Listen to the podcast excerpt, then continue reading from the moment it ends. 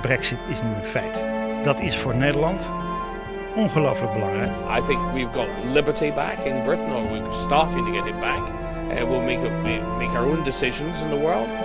Everyone thinks Enigma is unbreakable. Let me try, and we'll know for sure.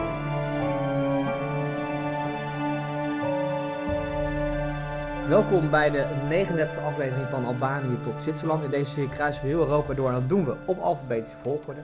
Vandaag is de beurt aan het Verenigd Koninkrijk. Even de Graaf, welkom.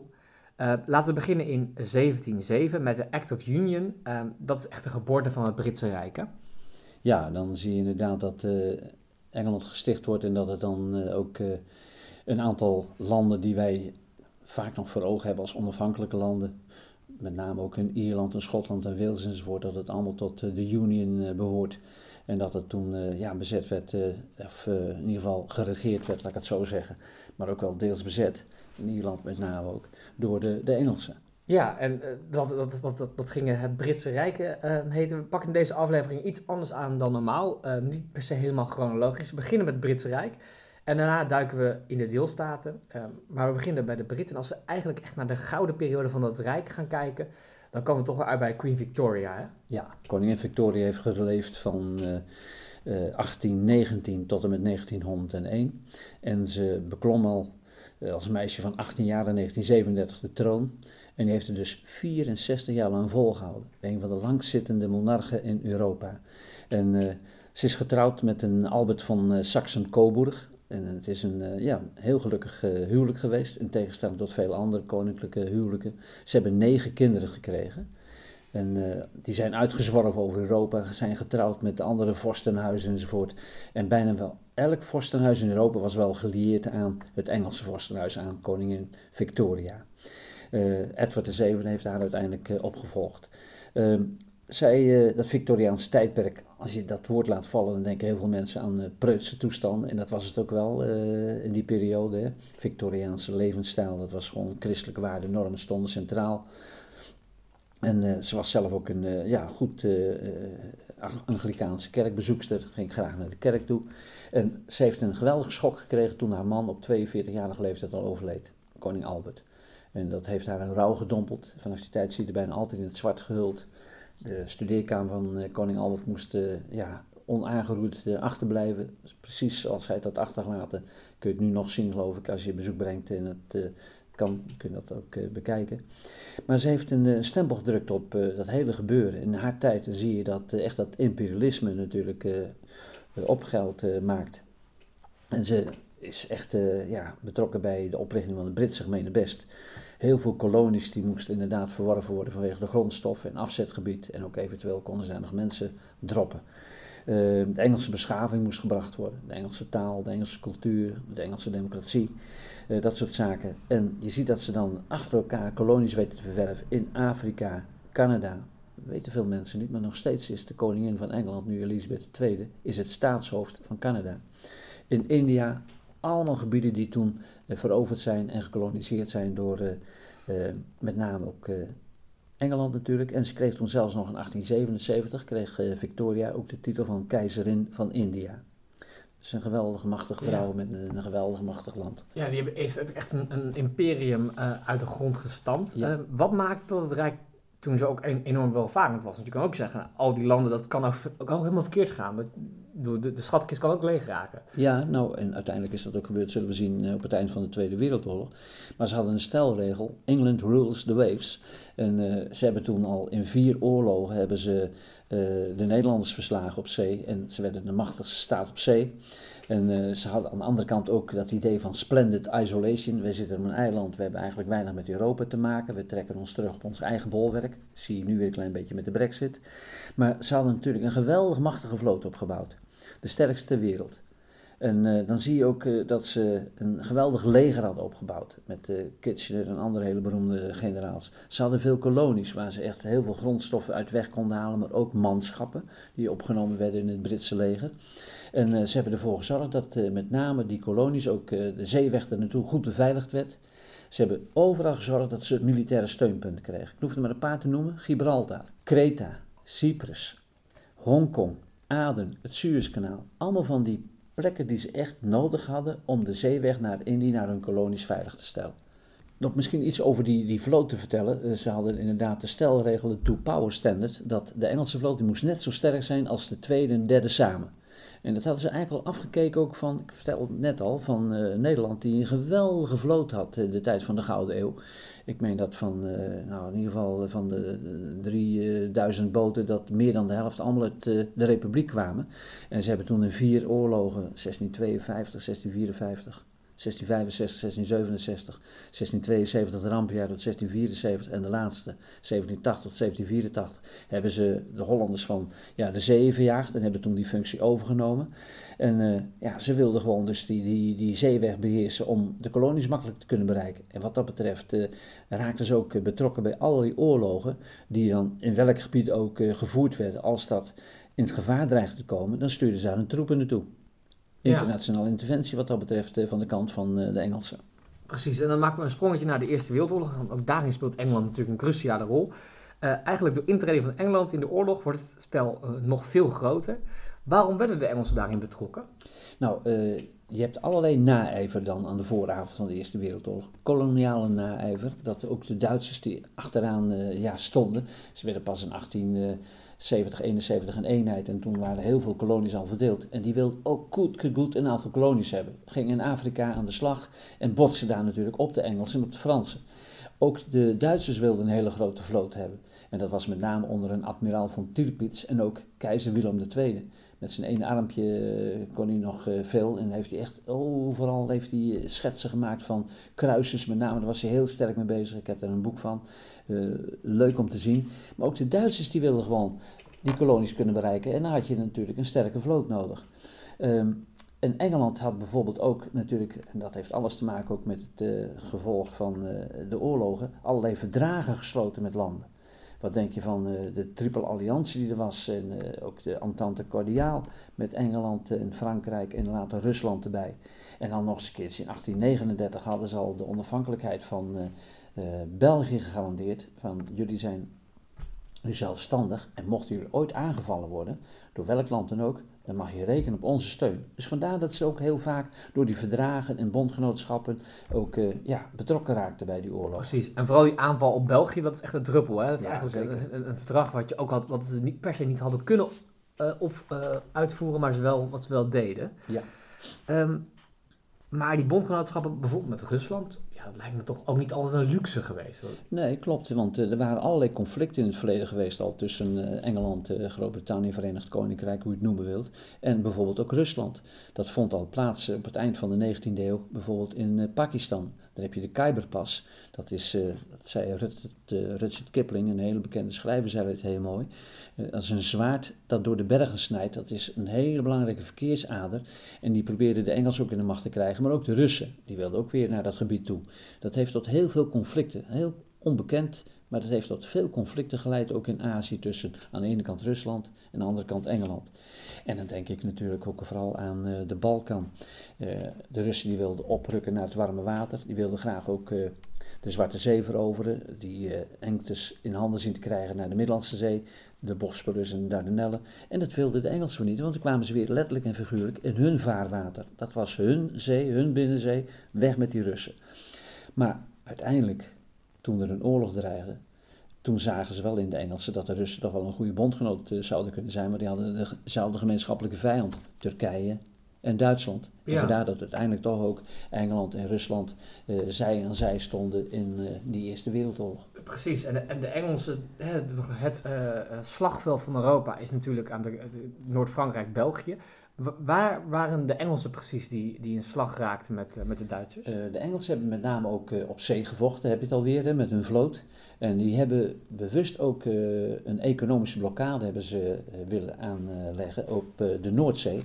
En de toegang eigenlijk tot de Noordzee aan de Duitsers willen ontzeggen. En daar is toen een slag geleverd bij Jutland, bij Denemarken in 1916. Eigenlijk eindigde die slag haast onbeslist. Kleine overwinning misschien voor de, de Engelsen. En toen hebben de Duitsers het besluit genomen niet meer met de grote eh, vloot uit te varen, de bovenwatervloot, maar met onderzeeërs. Een geheim wapen wat ze toen hebben ingezet. En is op zee ontzettend veel gevochten tussen eh, Duitse schepen en Engelse schepen. is door het Engels heel zwaar gevochten natuurlijk in eh, België en Noord-Frankrijk. De Eerste Wereldoorlog, moest een blitzkrieg worden met, een Zietskrieg, de loopgravenoorlog. Daar hebben ook vooral de Engelsen gevochten.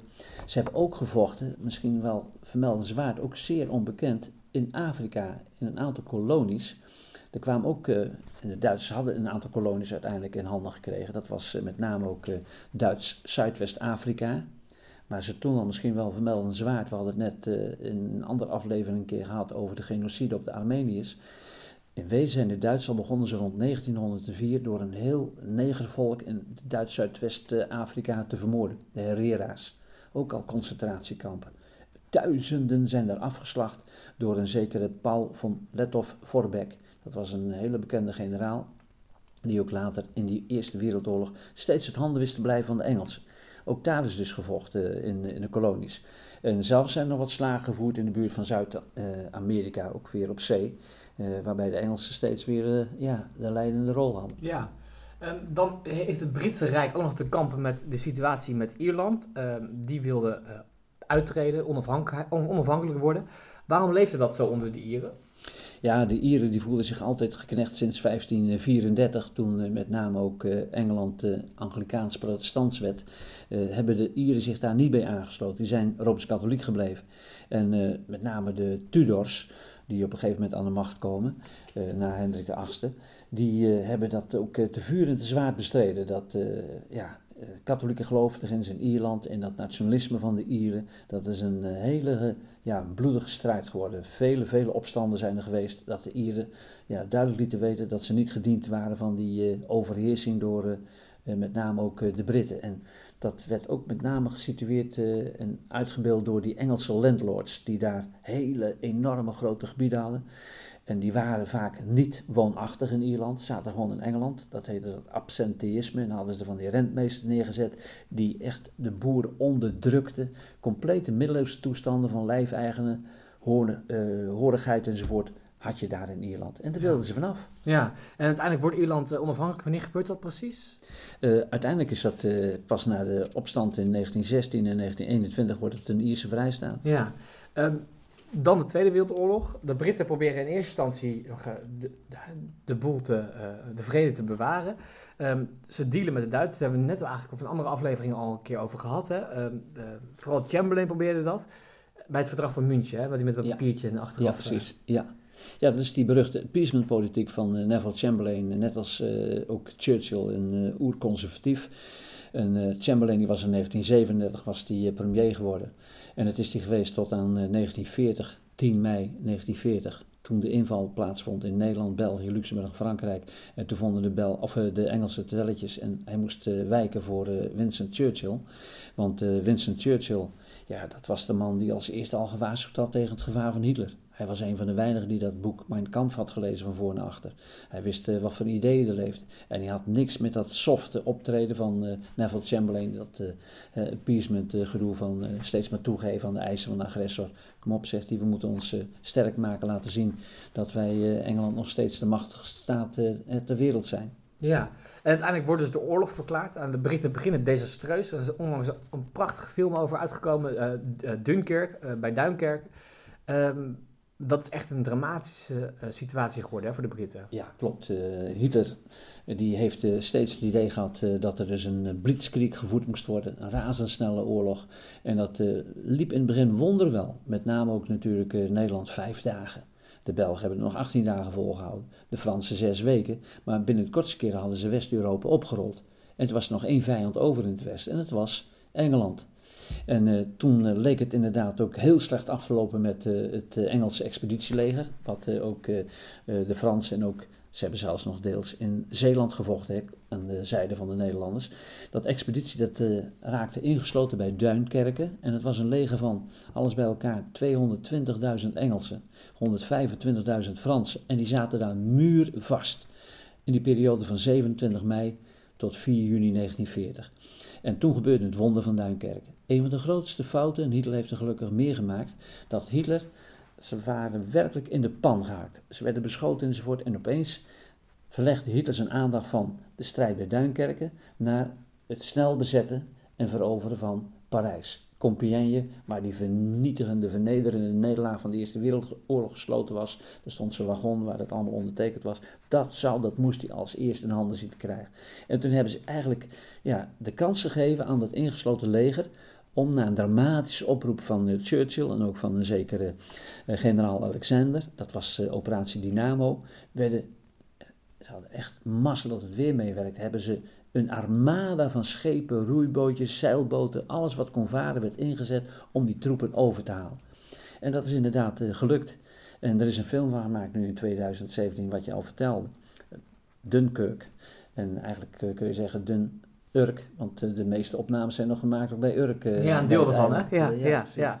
Uh, maar Winston Churchill is dus aan de macht. Uh, dus ook die, die, die, haalt, die haalt nog de, de, de militairen terug als, als helden in, uh, in Groot-Brittannië. Maar uiteindelijk weet hij de oorlog om te draaien. waarom lukt het hem wel om de oorlog te doen keren? Of is dat misschien helemaal niet zijn verdienste. Ja, het is echt een, een oorlogspremier bij uitstek. Hij is een ouderwetse held. Misschien wel leuk om te vermelden. Hij heeft echt als journalist heeft hij ook verslag gedaan van de Boerenoorlog. Is hij daar gevangen genomen. Op wonderbaarlijke wijze weet hij te ontsnappen. Hij heeft als militair, was opgeleid in Sandhurst, heeft hij gevochten op Cuba, 1895. Hij heeft gevochten in Brits-Indië, in Pakistan, in Afrika, bij de bronnen van de Nijl, de Sudan. Heeft daar boeken over geschreven. met name ook die strijd in Afrika, The River War, een heel mooi boek, een dik boek. En heel populair geworden. En hij, nog een keer, zag als eerste in dat Hitler een groot gevaar was. Ik vertel het net al, hij heeft het boek gelezen. Hij kon er ook geweldig goed over spreken in uh, ja, toespraken voor de mensen. En dan hingen ze aan zijn lippen, want het was een begenadigd spreker. En ook schrijver, maar vooral spreker. En ik denk dat hij gewoon de juiste man op de juiste plaats was, op de juiste tijd. Dat hij toen op 10 mei 1940 premier werd van Engeland. Ja, Um, en, en, en, de Britten en uh, ook met hulp van de Amerikanen weten die oorlog te keren. Ja, er zijn ongelooflijk veel mooie films en series over de rol van de Britten uh, in die periode gemaakt. Heb je eigenlijk een favoriet? Dus, nou, dat vind ik echt een fantastische film. Ja, er zijn er uh, twee die er wat mij bovenuit streken. Dat is die klassieke De Langste Dag natuurlijk. Hè.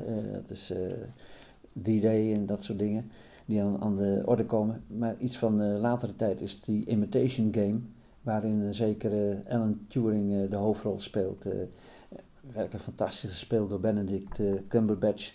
En dan weten ze dus die Enigma-code, die geheime code van de Duitsers met behulp van computers weten ze te kraken.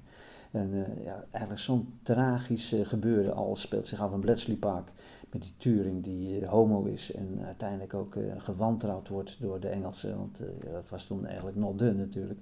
En uiteindelijk is hij zelfs ook nog chemisch gecastreerd en heeft hij uiteindelijk ook uh, zelfmoord gepleegd. Maar dat vind je allemaal in die film, die Imitation Game. Ja. Vind ik een schitterende film. Ja, het is ook wel een, het is echt een, een, een toch, toch wel een soort van, die film is nog wel een ode aan een, aan een held die inderdaad op een hele eigenlijk brute manier behandeld is. Hè? Ja, klopt. Um, hoe ga je met je helden om? Ja. ja.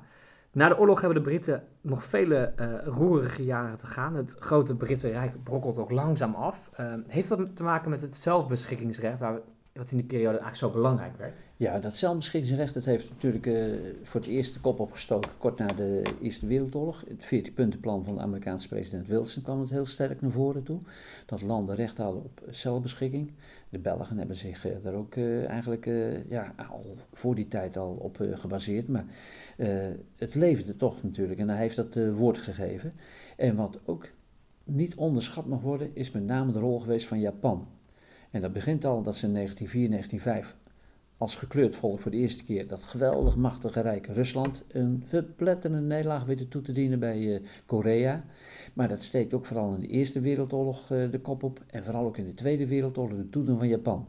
Die dan uh, geknechte volkeren tijdlang weet te bevrijden, of te bezetten, hoe je het maar noemen wilt. Denk aan Nederlands-Indië eeuwenlang gekoloniseerd in Nederland. En zij komen daar en schoppen de Nederlanders eruit. En vlak voor het einde van de oorlog geven ze ook aan die, die Japanners, aan die opstandelingen, Sukarno de zijne, geven ze wapens en hitsen op van je laat je toch niet meer overheersen door die blanken. Hè? Probeer echt een eigen staat te stichten. Dus daar heeft uh, met name ook Japan een hele grote rol in gehad. En uh, ja, je ziet uh, dat dat uh, ook gebeurt met name in Engelse kolonies. Denk aan India, dat Brits-Indië, dat valt uit 1947 in een staat India en een staat Pakistan. De ene is dan hindoeïstisch en de andere is meer natuurlijk een, Ja, boeddhisme ook wel, denk je daar. Maar met name Pakistan is dan heel erg islamitisch, uh, islamstaat geworden. Dat valt ook natuurlijk weg uit, uit het koloniale wereldrijk. En wat je ziet gebeuren op het eind van de Tweede Wereldoorlog, dat Engeland compleet bankroet is, door die oorlog helemaal uitgeput. En dat hun rol is uitgespeeld en dat twee andere grote supermachten het overnemen vanaf die tijd. Ja. De USA en de USSR. En dan zie je meteen ook het begin van de Koude Oorlog. Precies, en dan is eigenlijk de rol van Groot-Brittannië met, met de grote vloot is definitief voorbij. Ja. Um, de Britten, maar de Britten worden tegelijkertijd ook lid van de EU, uh, zoals uh, we inmiddels allemaal weten. Uh, we weten ook dat de brexit eraan komt. Was dat lidmaatschap eigenlijk altijd al een beetje problematisch? Ja, dat is zeer problematisch geweest. Dat is met name de jaren 60, 70 was er steeds een hetze tussen aan de ene kant de Engelsen en aan de andere kant de Fransen. En met name de Gaulle heeft daar een, denk ik toch wel een kwalijke rol in gespeeld. Want die vond steeds dat met name ook Engeland niet rijp was voor toetreding tot de Europese gemeenschap. Economische gemeenschap, EEG heette dat toen nog. Dat heeft hij heel lang weten te traineren, weten tegen te houden. Nou, in 63 voor het eerst dat hij dat gewoon torpedeerde, ook die toetreding. Toen was er al sprake van dat ze dat wilden. En dan heeft het nog zeker tien jaar geduurd tot 1973, voordat uiteindelijk ook, uh, toen was uh, de Gaulle al weg, dat uh, Engeland wordt toegelaten. Maar altijd met een zekere sceptisch van, ja, doen we er wel goed aan? Horen we wel bij Europa? Weer die splendid isolation, horen we nou wel of niet bij Europa? En met ja, gepaste tegenzin hebben ze dat natuurlijk ook gedaan. En dat is dan ja, uitgemond in dat referendum in 2016 over het EU-lidmaatschap. Uh, dan kun je heel makkelijk opdelen in twee kampen. Een leave-kamp, wij willen weg, Brexit, of Remain, wij willen blijven. En heel opvallend dat dan met name in het Remain-kamp, dat Schotland, Noord-Ierland en Gibraltar, van die kolonies daar, een hele grote rol in spelen. En eigenlijk bij de Europese Unie willen blijven behoren. En dat Engeland en met name ook Wales er eigenlijk uit willen stappen. En uh, heel opvallend is, dat hebben ze allemaal onderzocht, dat met name de ouderen voor Brexit hebben gestemd. En uh, uiteindelijk de jongeren, die dachten, nou het gaat toch niet gebeuren, we blijven lid. En die bleven gemakzuchtig thuis, gingen niet naar de stembus toe. Maar veel jongeren die zijn juist voor Remain, voor het blijven binnen de Europese Unie. En het was een hele nipte overwinning. Ik ging s'avonds naar bed en ze stonden, de Remain mensen stonden op voorsprong. En tot mijn stomme verbazing, toen ik s'morgens teletext uh, aanzette, bleek dat uh, 51,9% voor Brexit had gestemd en 48,1% tegen. En nu zitten ze met de perikelen van hoe komen we inderdaad uit de EU of nu misschien ook niet, nu uh, de positie van mee uh, echt heel wankel is. Het is vrij, uh, de, hele, de hele gevolgtrekking daarvan is wel een hele ingewikkelde zaak. Hè? Als je die, de onder, hoort hoe de onderhandelingen in elkaar zitten voor dat gaat, het is wel een, een, een zware, een zware dobber. Daar snapt de buitenstaander denk ik niks van. Het heeft inderdaad ook te maken met geld natuurlijk, het heeft te maken met allerlei economische belangen. Ja, en eh, even ook weer laten zien wie is nou de machthebber. Is dat uh, Brussel of is dat uh, Engeland enzovoort. Ze zitten aan bepaalde verdragen zitten ze vast. Om dat financieel te ontvlechten, dat is hartstikke moeilijk.